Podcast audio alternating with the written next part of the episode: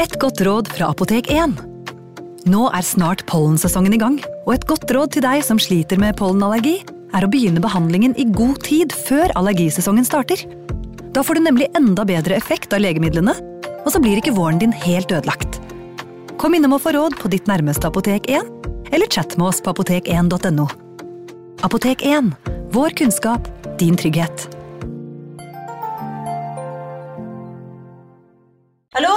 Jeg kommer fra Oslo politikammer.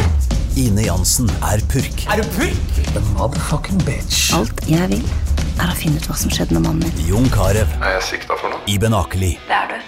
Ole So, Lars Berrum og Big Daddy Karsten. Hvem sin side er du på, egentlig? Anette Hoff, Tone Danielsen, Kommer du fra Afrika? Jørnis Josef, Nesten. Kløfta. Trond Espen Seim, Det er synd å si det, men det var feil mann som døde. Purk. Premiere tirsdag på TV2 Play.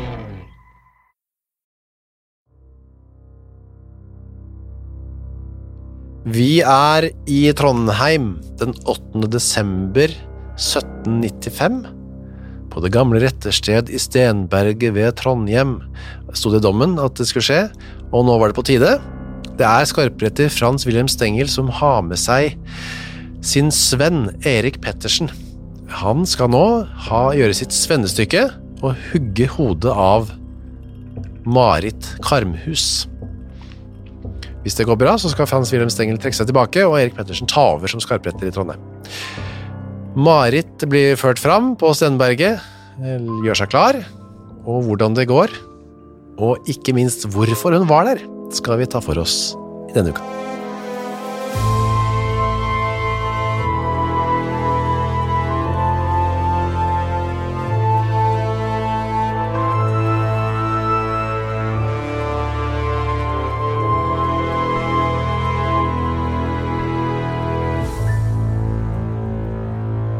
Ja, Torgrim Trondheim på byen, eller slutten av 1700-tallet, hvordan var det der, da?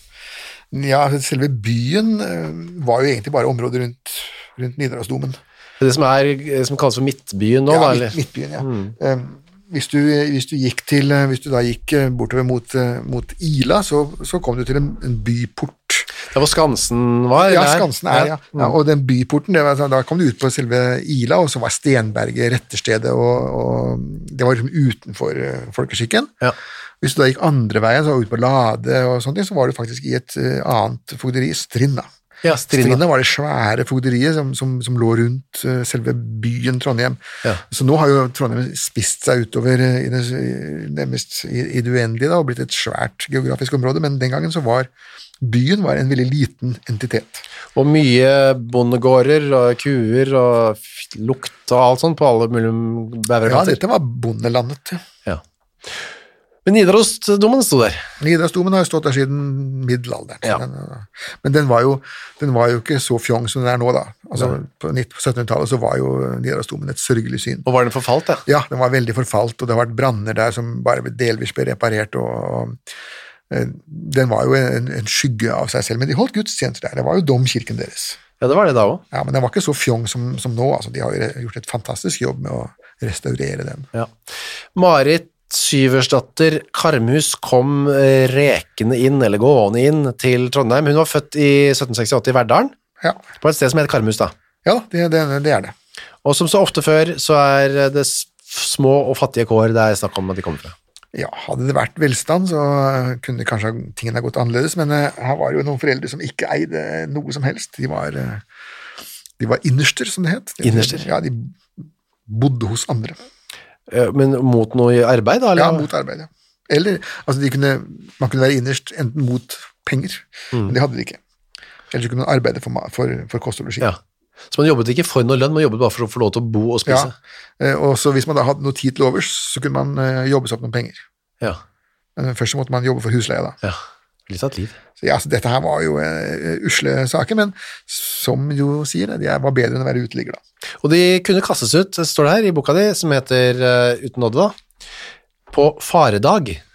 Ja, altså det var de ansatte, ansatte tjenestefolkene, de, de kunne ikke bare si 'nå drar jeg'. Nei. Eh, De hadde, de hadde ikke oppsigelse, sånn som vi har nå, tre måneders oppsigelse, sånn, men eh, de hadde to dager i året hvor de kunne bare si at 'nå bytter jeg tjeneste'. Ja. Og det var 14. april og 14. oktober. Hvorfor- ja. Det samme var det også med deres eh, arbeidsgivere. De Ja. kunne også si gå De to dagene. de dagene der. Måtte de gå da den dagen òg, Ja, da måtte de gå den dagen. Oi. Da var det slutt. For noen jævlig dager det må ha vært. Ja, som regel så hadde man et inntrykk av hvordan ja, det, det vil gå. Da vil jeg tro eksempel vår, vår gamle venninne Berthe Riseie hadde helt tydelig skjønt Mm.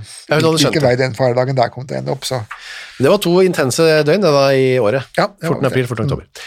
Ok, så der, fra den eh, bakgrunnen kom da Marit, eh, bestemte seg for å komme seg til eh, byen, da, til storbyen, som det var. Ja, øh, hun kunne godt ha gjort det litt før. Hun bodde faktisk hos disse foreldrene sine, da, øh, hjemme hos disse innerstene, Ja. eh, helt til hun var 22 år gammel, og det var jo voldsomt. Ja, Det er 1790. Hvorfor var vi hjemme så lenge? Ja, det kan man lure på, for det vanlige var jo å gå ut og tjene omtrent så, så fort som du hadde kommet ut av bleiene, mm. hvis det var fattige folk. Eh, Men hun ble altså surrende rundt der hjemme, og det, det kan ha forskjellige årsaker, da, men eh, en av dem er jo at det var ingen som ville ha henne i tjeneste. da. Mm. Fikk ikke jobb. Ja, og det kan jo i sin tur igjen ha noe med hennes personlighet å gjøre, da. Ja. Det kan vi tenke oss til å spekulere på. Det som er sikkert er at hun dro fra, i en alder av 22 da, nedover mot Trondheim på, for å søke lykken der. Da.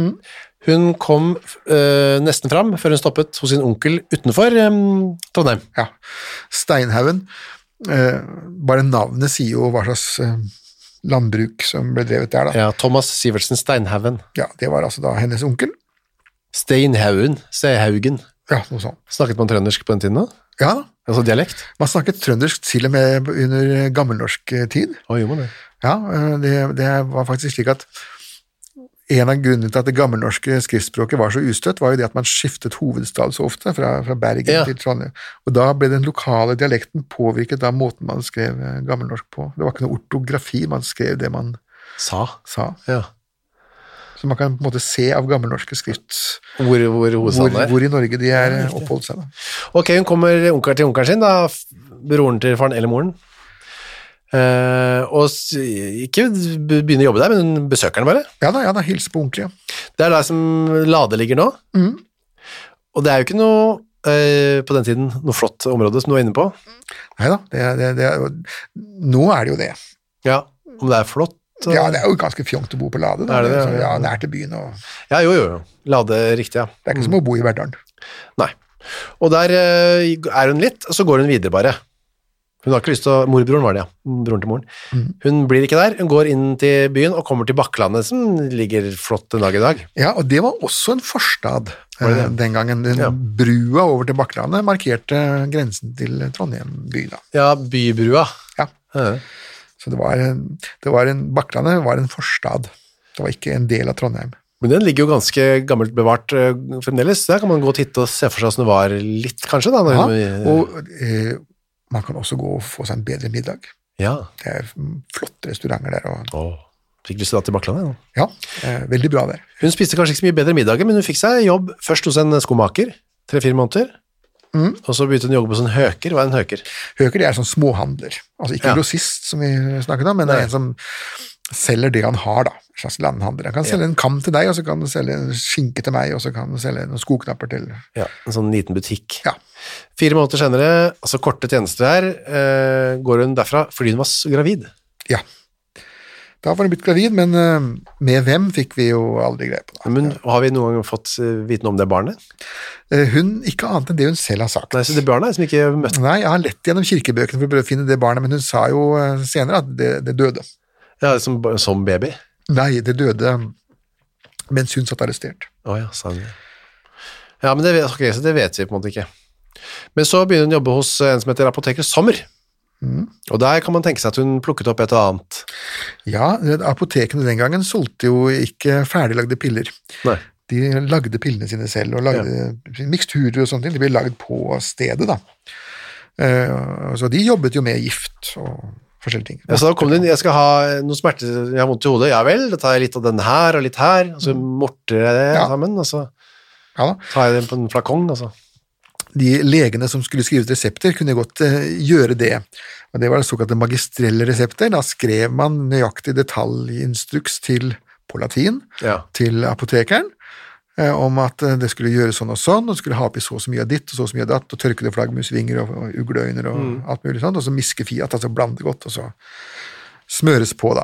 Veldig mye av de uttrykkene der er borte nå, men en del av dem er bevart. Øh, Når jeg hadde reseptlære, så måtte jeg lære å skrive de der magistrelle reseptene.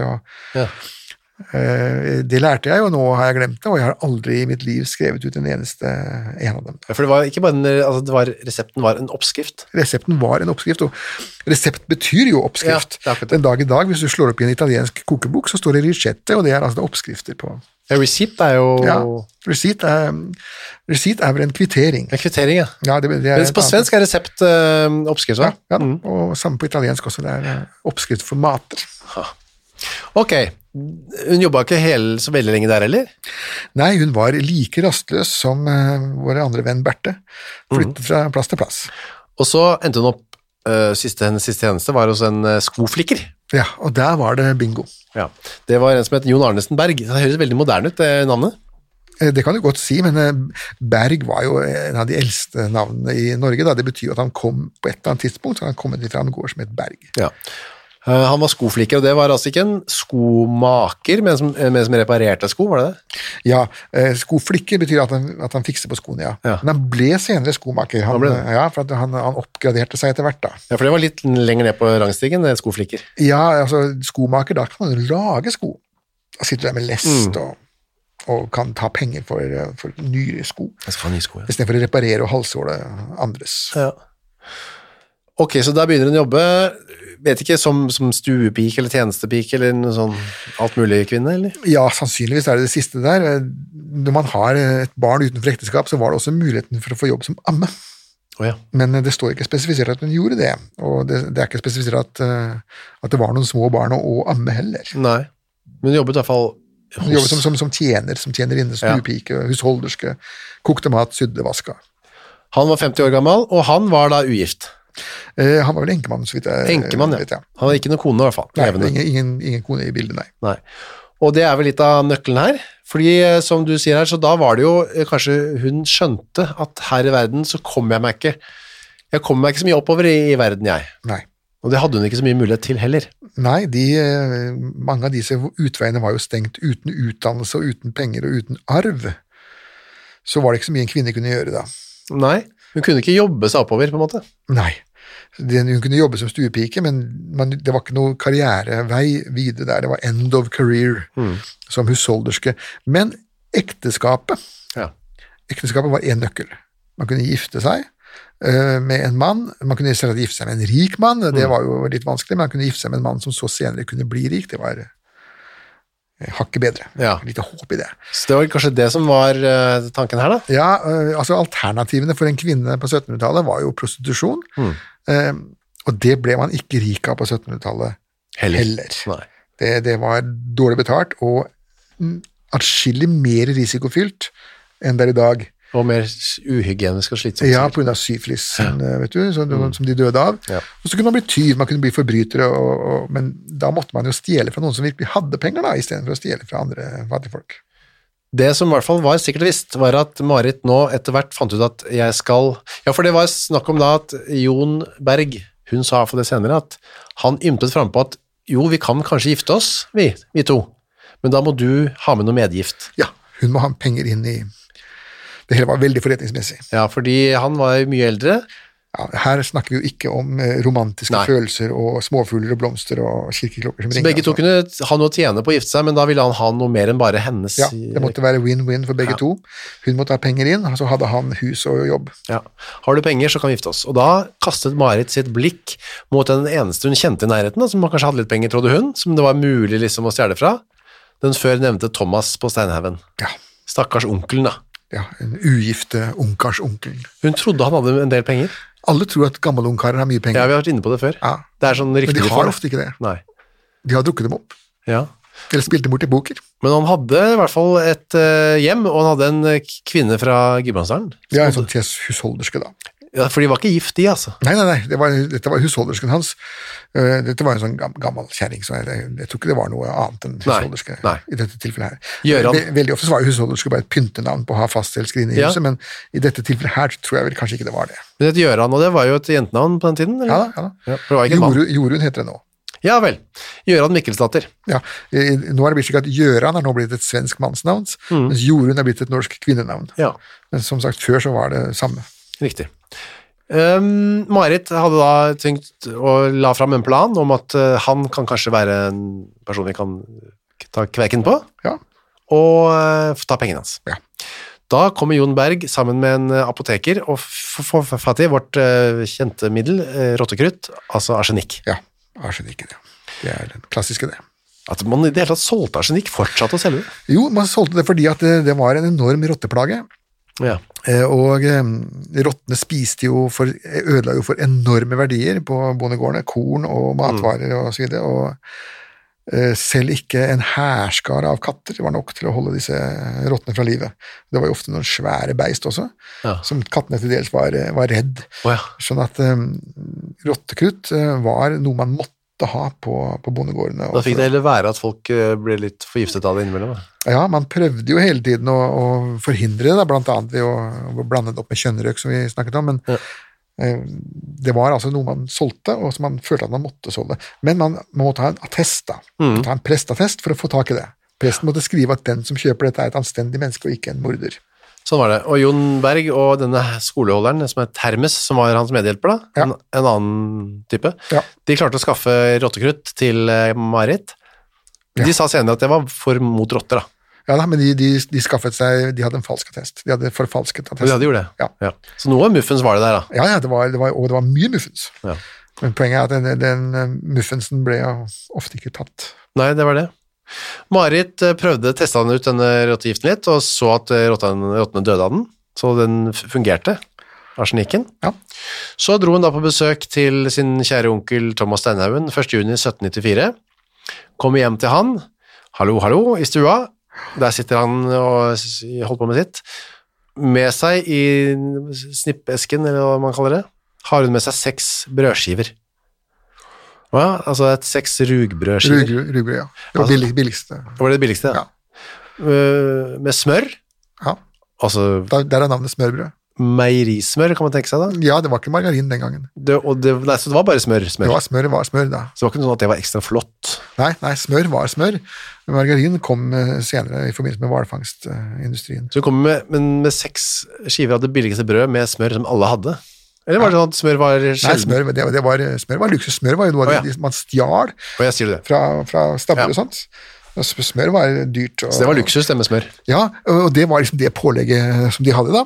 Ja. Det eneste de kunne få tak i som var noenlunde godt og som var billigere pålegg enn det, bortsett fra ost, da, det var jo sirup. Ja. Og det hadde de også ofte på, så heiv sirup på brødskiva. Det var seks skiver med smør og arsenikk. Hvordan var den arsenikken? For vi har jo hørt mye før om at det var så vanskelig å få løst opp. Og, Ja, så derfor hadde hun ikke løst den opp i det hele tatt, hun bare strødd den på brødskiva, og så hadde hun smør oppå. Ja, så var smør oppå arsenikken. Ja. Men det ble et slags pulver, det da. Ja, og så smaken var jo fremdeles der, og, og den lyden, knasende lyden når du tygger på det, det var jo også der, sånn at dette, dette ble jo servert for intet annen idioter da. Som ikke hadde kjennskap til arsenikk. Det eller som ikke brydde seg. Vær så god, kjære onkel, jeg har med seks brødskiver med smør, vær så god. Og han sier ja, tusen takk, jeg er faktisk veldig sulten. Han var, må ha vært det, for han sier eh, takk til alle skivene. Han sitter og begynner å spise, men da dukker altså denne Gjøran opp. Ja da, og hun um, kom inn i stua. kom inn i stua, ja, og så um, eh, tenker Marit, ja, hva gjør jeg nå? Eh, Nå har jeg nettopp servert onkel Thomas eh, arsenikk. Ja, da serverer vi Gjøran også, da. Jeg får Gjøran si, åja, har du fått brødskiver av niesen din, du da? ja, ja, ja, ja, dette kunne gå gærent. Så derfor fikk hun også mm, disse brødskivene. Men så sier Gjøran at nei, hun kan ikke spise smør. Nei, laktoseintolerant, eller hva? Nei, jeg vil tippe gallestein. Ja, for, ja, Da er det, hvis du spiser fet mat, da, så får du gallesteinsanfall, og så får du kjempevondt. Så Gjøran sier nei takk. Og så ligger hun det av en eller annen grunn i, brød, i vinduskarmen. Ja. Men så, når hun skal dra igjen, så er de borte. Ja. Thomas eh, sitter og gnasker på disse. Han bryr seg ikke om at de smaker litt vondt og knaser litt og sånt. Nei, og grunnen til det er nok det at dette melet som de lagde brød av, det var jo malt på en sånn kvern, som Ja. var en stein, det var jo kvernsteiner. Og det kom masse grus og gjenstander fra disse steinene eh, i, i melet. Eh, Og det er jo også, også sagt at det var en av grunnene til at selv steinaldermenneskene i Norge hadde jo helt forferdelige tenner. Det var jo faktisk, de gnagde jo på, på stein. Ja, de hadde stein i brød. det at det knasa litt i brød var jo ikke noe sånn kjempeuvanlig, da. Nei, og det smakte litt rart, brød seg heller ikke så mye om. Nei, for det, dette var jo fremdeles før eh, både kjøleskap og um, frysebokser, så her smakte mye rart. Ja, så jeg var vant til at det smakte litt rart, ja. Altså En av grunnene til at kolonitiden begynte, var jo at man måtte få tak i krydder for å døyve den forferdelig bederva smaken av all maten i Europa. Thomas, eh, er, nå har han bare fått tre brødskiver, han skulle egentlig få seks, han er mer sulten og sier til Gøran, kan ikke du lage noe mer? Jeg vil ha grøt, og det lager hun. En hvetemelsgrøt, Ja. som hun serverer til eh, Marit og Thomas da. Ja, Hvetemelsgrøt, det er da en slags fløyelsgrøt, ja det er jo det. Det er, jo det. det er en enkel ting å lage. Altså, det er mel og det er vann, og så koke opp. Ferdig. Ja. Eh, men ikke noe på, altså noe sånt. Nei, altså, sukker, nei, det var for dyrt. Så det er mel og vann, det er ikke noe Ja, det- næringsrikt. Nei, det kan du godt si. Det smaker jo ikke noe heller, men altså, det, som, som sagt, det norske kjøkkenet fra anno 1700, det er ikke, det er ikke laget noen god Ukas annonsør er Next Story. På Next Story så finner du hundretusenvis av eh, e-bøker og lydbøker. Du finner folk som jeg har eh, intervjuet og snakket med, og liker bøkene til. Agnes Ravatn, hennes siste bok. Gjesten er der. Nina Lykke, sin siste bok. Vi er ikke her for å ha det morsomt, er der. Og så er det jo det er krim, biografier, essays, eh, romantikk, sannhistorier, barnebøker, faktabøker, spenningsbøker, science fiction. Alt mulig du kan tenke deg. Og også bok av uh, Torgrim Sørnes. De henrettede igjen. Ondskap, for eksempel. Det er da uh, Torgrims gjennomgang av en del av sakene fra 1800-tallet, som endte da med halshuggingene, som de gjerne gjorde. Eh, eksempel Kristoffer Svartbekken, denne snikmorderen fra um, Elverumsdraktene, som pryder oss og ser seg. skummel type. Eller da, som sagt, forferdelig mye annet. Gå inn på nextstory.no skråstrek henrettelse. Registrer deg der, så får du seks uker gratis tilgang til nesten uendelig mange bøker. God fornøyelse. Kokebøker som har solgt i store opplag. Nei, men for, rike folk så var det kanskje litt bedre, da. De Ja, de kunne jo få importert ting, Mm. da, sukker fra koloniene, og de kunne spise kjøtt og fisk og sånt, men fattigfolk spiste jo hvetemelsgrøt, eller grøt. Det var grøt, og det var grøt, og det var grøt, og så var det brød, og så var det brød, og så var det brød. Og vann. Og sprit, da. Ok, men det som er litt rart nå, er at Marit ja, hun tenker eh, jeg skal være sikker, så jeg drysser litt arsenikk på For de skulle dele fat. Det gjorde Ja, man da. dette, dette kalles å lange til fatet. Det var, det var helt vanlig folkelig skikk, ikke egne tallerkener. Du hadde en diger grautfat midt på bordet, så satt alle og spiste av det med hver sin skei, Ja. Og det gjorde Marit ville være med på det, og det skulle ha litt grøt hun òg. Var sikkert sulten hun òg, da. Ja, i alle så, enten så var hun litt sulten hun også, eller så skulle hun vise at dette var Trygt, det. Ja, nå bygger man opp et alibi, jeg spiste jo samme grøten som Ja. han, Så hun drysser litt arsenikk eh, i på hans side, ja. Ja, og håper at ikke han skal snu tallerkenen eller noe. Eh, ja, hun slumset nok litt, så hun fikk nok i seg en del eh, selv også, men han fikk jo brorparten, da. Og rett etter de har spist opp denne, dette måltidet her, så blir han veldig dårlig, da, Thomas, stakkar. Ja, da begynner han med de klassiske arsenikksymptomene, da, at han har diaré og brekninger, metallsmak i munnen og intense magesmerter, altså magekolikk. da. Det kan dere huske på, lyttere, når dere hører, når dere kjenner at eh, dere har spist noe rart. Hvis alt smaker jern, så må dere gå i kjøleskapet og se om det er noen som har hatt oppi noe ekstra. Rottekrutt. Ja, nytt krydder som de ikke har Ja. hatt før. Dette gjelder spesielt hvis du lever på 1700-tallet og er en ungkar med litt penger på kistebunnen. Da. Marit drar derfra, da, hun, da. hun skjønner jo hva som er i ferd med å skje, og kommer hjem til Jon Berg, og ifølge han så skulle hun vært ganske blek og tufs hun òg, når hun Ja, kommer inn. hadde nok eh, ikke klart å dele helt nøyaktig. Nei, så fått i seg noen sånne rottegiftkorn hun òg. Ja da. Men eh, dagen etter så er han veldig dårlig, sender gjør han inn til byen for å få seg noen dråper. Altså, Ja, det var nytteløst.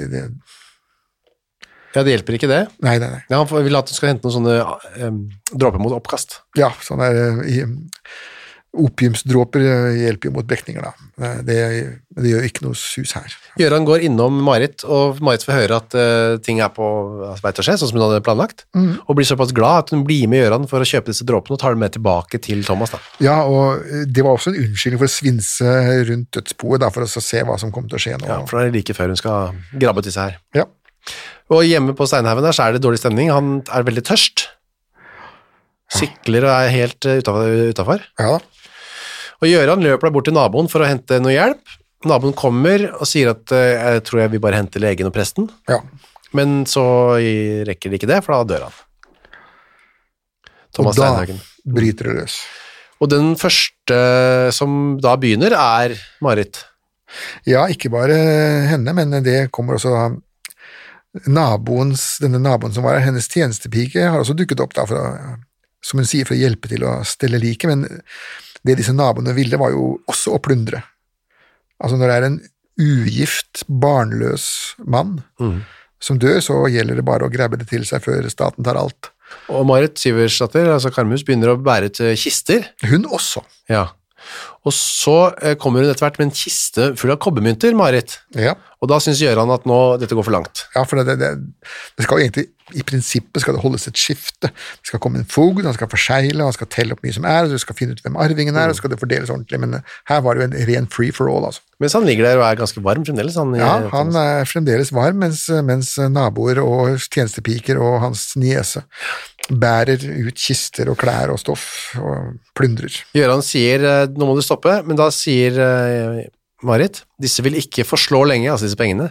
Du mener nok det er meget, men det er kun i riksdaler. Ja, men det var jo mer enn det hun hadde hatt i sine hender noen gang, da. Ja, så det gjør ikke noe om jeg tar det, for det er ikke så mye. Ja. Fortsetter å ta i klær og gjenstander, da. Um, og da får hun beskjed om å til slutt holde munn, da gjør han fordi hun protesterer. Ja. Og da bare, da slippes det løs, og folk tar dyner og puter og alt mulig slags. Det er ren raid. Ikke noe særlig trivelig situasjon. Det er ikke så verdig, kanskje, i hvert fall. Eh, Nei, det er ikke noe særlig trivelig situasjon heller, eh, som sagt. En en lignende situasjon er jo beskrevet i um, Kazansakis bok Sorbas. Oh, ja. Den gamle enken dør, og alle disse sørgende som sitter rundt, begynner umiddelbart å rive ned gardiner og tapeter for å få det med seg. Det tar, til slutt så stopper det jo, da. Og Gjøran, eh, hennes familie også, vasker ned steinhaugen. Det skulle man kanskje gjøre, da. Ja da, Når noen har død, så måtte det vaskes rundt. Det gjør man fremdeles på norske sykehus. Ja, ok. Neste dag så finner Gjøran disse tre brødskivene. Ute i fjøset av alle steder. Ja, Mm. Hvorfor har de kommet dit, tro? Nei, det er jo Marit da, som har forsøkt å gjemme dem et sted. Tror du det? Eh, Ja, gjemme beviset. Dumt å ikke bare kaste dem, egentlig. Og legge dem et sånn, i papir, for de lå pakket inn i papir. De er ofte så gjerrige mordere. Ja. Eh, det Spesielt arsenikkmordere har en tendens til å ta vare på gift så lenge det er noe som helst igjen. Ja. Man vet aldri hva man får bruk for. Det er kanskje det hun tenkte, ja. Eh, Gjøran vet jo ikke noe om at dette er Hun har ikke koblet noe arsenikk og noe forgiftning, hun, så hun syns det var flott med noen brødskiver, og har tenkt seg på besøk, så hun tar med seg disse, pakker disse brødskivene sammen og tar de med til en familie som heter Heggedalen. Ja. Hvorpå hun drar sånn i nitida, er det på morgenen eller på kvelden, eller? Dette er nok på morgenkvisten, eh, tenker jeg. Hun har kommet opp, hun har vaska der i hele natt. Og...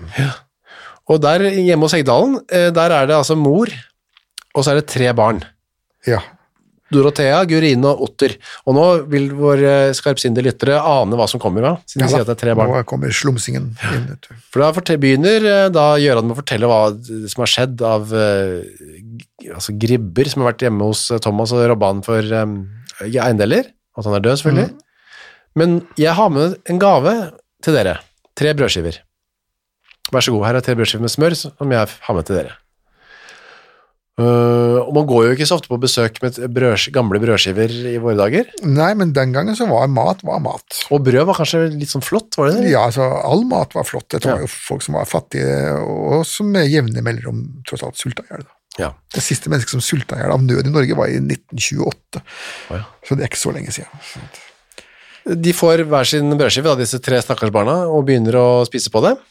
Dorothea den eldste syns at det knasker ut i smørbrød, som om det var sand der uti. Så sier moren hennes da, det er jo ikke sand i smørbrød. Lille Otter er enig, det knasker i hans brødskive også. Dorothea klarer ikke å spise opp hele. Og Gurine syntes også det smakte vondt, og så la hun selve brødskiven i fanget til moren, da. Ja, Hun slikket sirupen i seg først. da. Ja, så var sirup på Et lite lag med sirup opp, og tok det også. Ja, men det var smart, da. Eh, Martha, moren, syntes også det var, smakte helt forferdelig vondt. For hun ville liksom teste hva det var de klagde så fælt på. Så hun egentlig hadde lyst til å kaste det til grisene. Ja, men hun, hun syntes at det, var, det, var, det smakte så vondt at hun hadde ikke egentlig tenkt det heller, så hun, hun tvang det i seg. Den brødskiva, ja. Ja. Man kastet ikke mat. Nei. Og da ble alle barna selvfølgelig syke, da. Veldig syke. Og forferdelige brekninger. Som, altså begge voksne ble veldig redde. Og Martha spør til og med hvor i Jesu navn blir det nå med børnene, jeg skal vel aldri tro det er noe ondt i maten.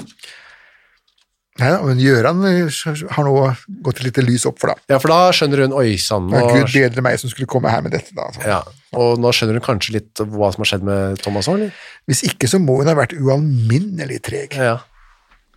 Og hun løper bare av gårde, hun ikke det? Ja, det er jo ikke hennes eh, fineste øyeblikk, dette her. da. Hun, eh, her ligger da både mor og tre barn og, som hun har gitt mat til, og ligger nå og holder på å dø, og hun stikker da av.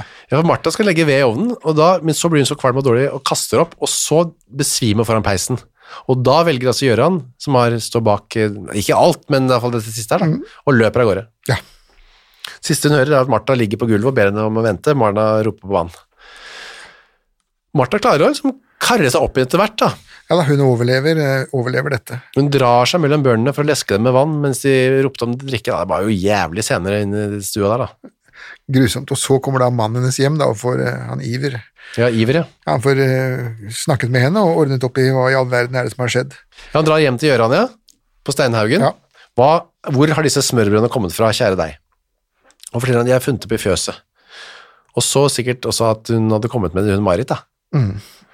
Og da drar eh, han med seg Gjøran inn til byen og melder hele opplegget til fogden, da. Johan Berg. Ja, og fogden, fogden isteden for å rykke ut med hele sitt mannskap, så sier han at du må gi disse menneskene litt melk. Ja. Det, det er jo for så vidt eh, et gammelt knep mot forgiftninger, det. For at Melken den er- inneholder da såpass mye proteiner, og de proteinene vil da binde det giftstoffet som du fremdeles har igjen i magen. Oh, ja. Altså, Det forhindrer deg ikke å bli syk, men det forhindrer deg å bli enda sykere. da. Det skal liksom på en måte binde den, slik at ikke du får med enda mer giftstoff sugd opp i deg. ja. Eh, I dette tilfellet her var det jo helt, helt hensiktsløst. da. det var for seint. Ja. I samme tid så blir det holdt det som heter registreringsforretning eh, på Steinhaugen. Det er altså hvem som skal arve det. da. Ja, nå, nå forsøker de å gjøre det de skulle ha gjort før plyndringen begynte, da, nemlig å forsegle det hele og si hvem som skal ha dyna, hvem som skal ha puta. Marit kommer, stiller seg, erklærer seg som er- arving, og det gjør også hennes eh, da, ei, eh, Husbonden. ja, altså arbeidsgiveren, Jon Berg, og er interessert i hvor mye penger som kunne komme ut av dette, antagelig da. Antageligvis. Pinseaften så dør da den eldste av disse stakkars barna, Dorothea, og da begynner det å gå rykter om eh, at det er forgiftning, hva? Ja. Det var jo, eh, man visste jo om symptomene på forgiftning, da. Ja, for dette var ikke første gang noen hadde fått arsenikk i kroppen. Neida, neida. Så er det byfogden i Trondheim som overtar. Han heter Møyniken. Og han skjønner jo da Det er jo ikke så vanskelig dette her, hvis man tar sakens fakta. Det er ikke en sak for Sherlock Holmes, nei. Nei. Marit må arresteres, og likene må obduseres. Men det å finne arsenikk på den tiden her, forgiftning på lik, var ikke så lett.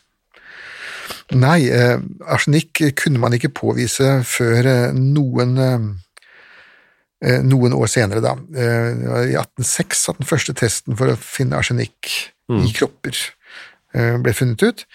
Eh, og det var jo da en test som eh, sto ved lag veldig lenge. Eh, omtalt veldig mye av, av en eller annen grunn hos Agatha Christie. Nå? Ja, Man snakker hele om dette arsenikkspeilet. Ja. Og Det gikk på det at man da tok og så varmet opp med et sånt trekullstykke. Og så holdt man en metallplate, kald metallplate over, og hvis det da ble et sånt metallspeil på den, så var det arsenikk. Det var en veldig enkel test å utføre, men man, som sagt, den gangen den gangen frøken Karmhus holdt på, så var ikke den eh, oppfunnet ennå. Men det var jo ikke noe Så det var ikke bevist, det ble ikke bevist uh, via obduksjonen i hvert fall at det var arsenikk som var uh... Nei, man, man, man må ha en kjemisk test uh, for å kunne påvise arsenikk. Det han hadde tenkt til å gjøre, var også mm, ta noen tamme dyr da, og gi dem innvollene til eh, Ja. og se om de døde av det. Da hadde han jo også kunnet, måtte kunne påvise en gift. Men likevel så var det såpass indis, sterke indisier, to lik og med samme symptomer fra samme brødskiver, som kom fra samme person. Ja da, det var, det var, det var apoteker Ackermann som var den sakkyndige her, da, og han mente jo bestemt at dette måtte være en forgiftning, men han klarte altså ikke å dokumentere det. Men det ble en rettssak, og Marit eh, bare tilsto hun. Det kunne hun også ha latt være. Eh, Som sagt så har man fremdeles ikke beviser her heller. Er, igjen er det bare indisier. Men eh, tilståelsen kom, og da var i grunnen løpet kjørt. Hun, hun sier jo ikke hva som er eh, hennes egentlige motiv, hun sier at hun var irritert på han fordi han hadde sagt at hun hadde stjålet noe, eller Det hadde hun sikkert òg. Ja. Hun sa ikke noe om at hun ville liksom arve han. Nei. Men til og med Gjøran hadde stjålet noe, sier Marit da. Ja da, øh, det gjelder alltid å peke på andre, da, du. Og det kan også tenkes at det er sant òg, hva, vet- hva, vet, hva vet vi, men Nei. øh, hun fortalte nå såpass mange historier etter hvert at ingen visste helt hva de skulle stole på, da. Og Jon Berg, altså hennes eh, arbeidsgiver, vil også, han ble også kalt, tilkalt, men han benekter alt. Ingen Ja involvering i hans. han helt uskyldig, ja, som, som, som et lite gudsbarn, han, ja. Mm. Og hun hadde heller ikke gitt uh, onkelen giften at han skulle, for at hun skulle bli um, død, men at han skulle bare bli litt sånn plaget, da. Ja, hun var, var litt irritert på ham, som sagt. Ja. Nå forsøker jo Marit å, å pynte på sin egen sak så godt det lar seg gjøre. Når hun først har vært så teit at hun har tilstått, så, så gjelder det å ro det i land.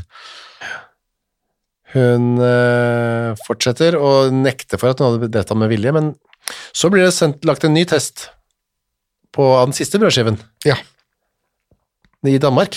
ja og det er da, det er da hoffapoteket Becker.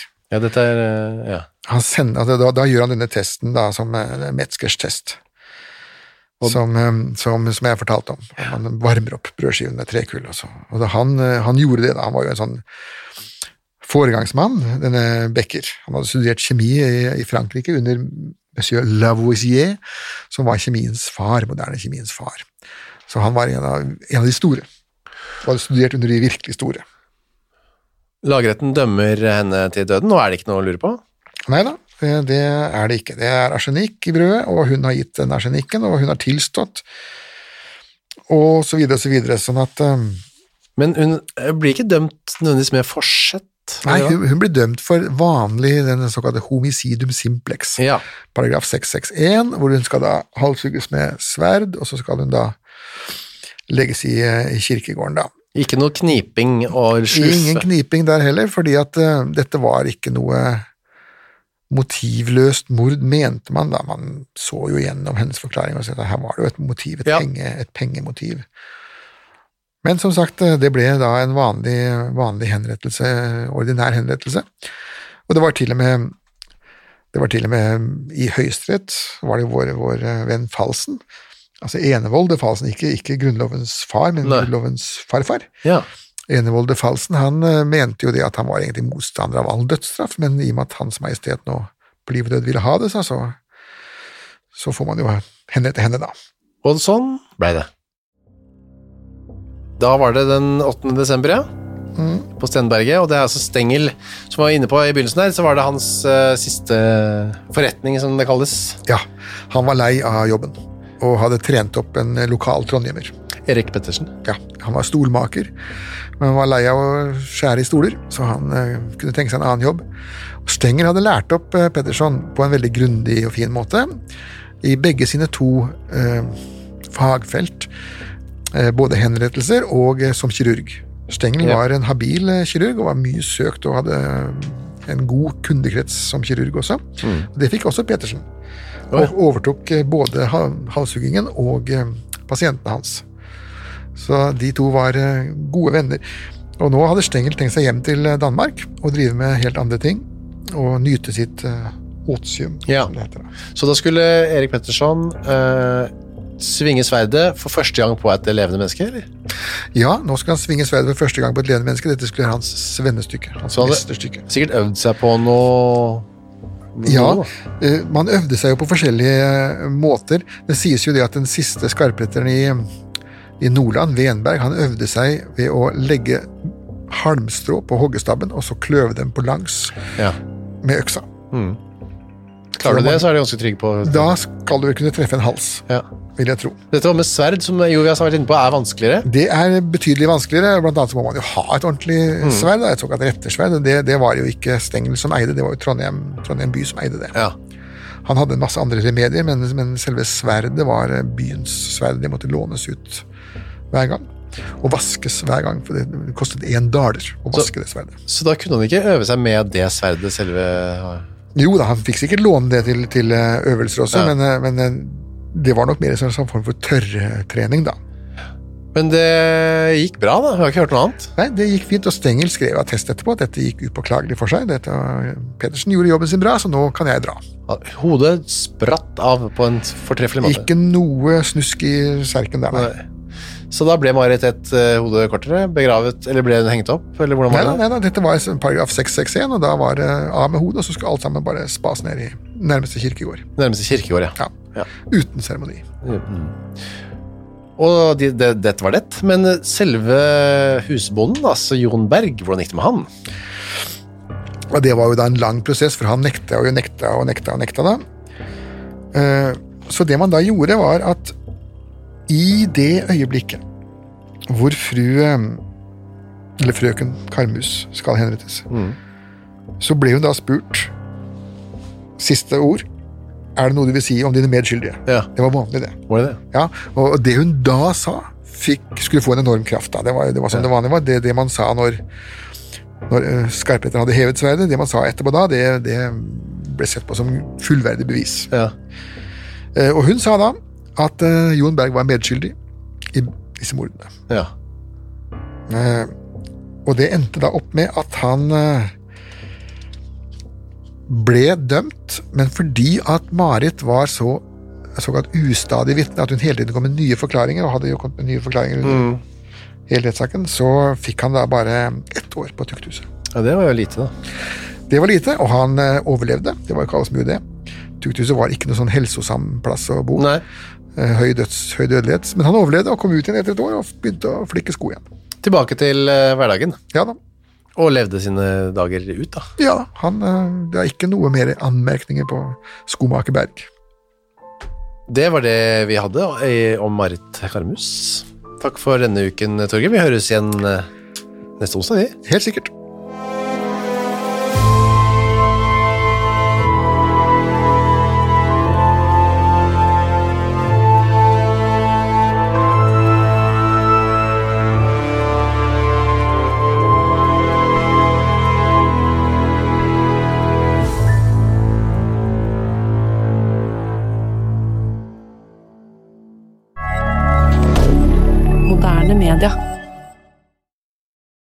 Har du et enkeltpersonforetak eller en liten bedrift?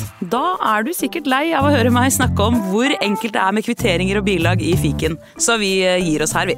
Fordi vi liker enkelt. Fiken superenkelt regnskap. Hei, takk for at du hører på Henrettelsespodden. Skulle du ønske at du kunne høre en ny episode av denne podkasten hver eneste uke? Ja, da er det bare å laste ned podkastappen Untold med en gang. I tillegg til at du får da Henrettelsespodden en gang i uka, så får du andre ukentlige podkaster som Historiepodden, True Crime-podden og Gangsterpodden, for å nevne noe. I tillegg til masse annet reklamefritt og eksklusivt innhold, blant annet noen godbiter, da, signert Torgrim og meg. Last ned Untold i AppStore eller på Google Play, og start din 30 dagers gratis prøveperiode i dag.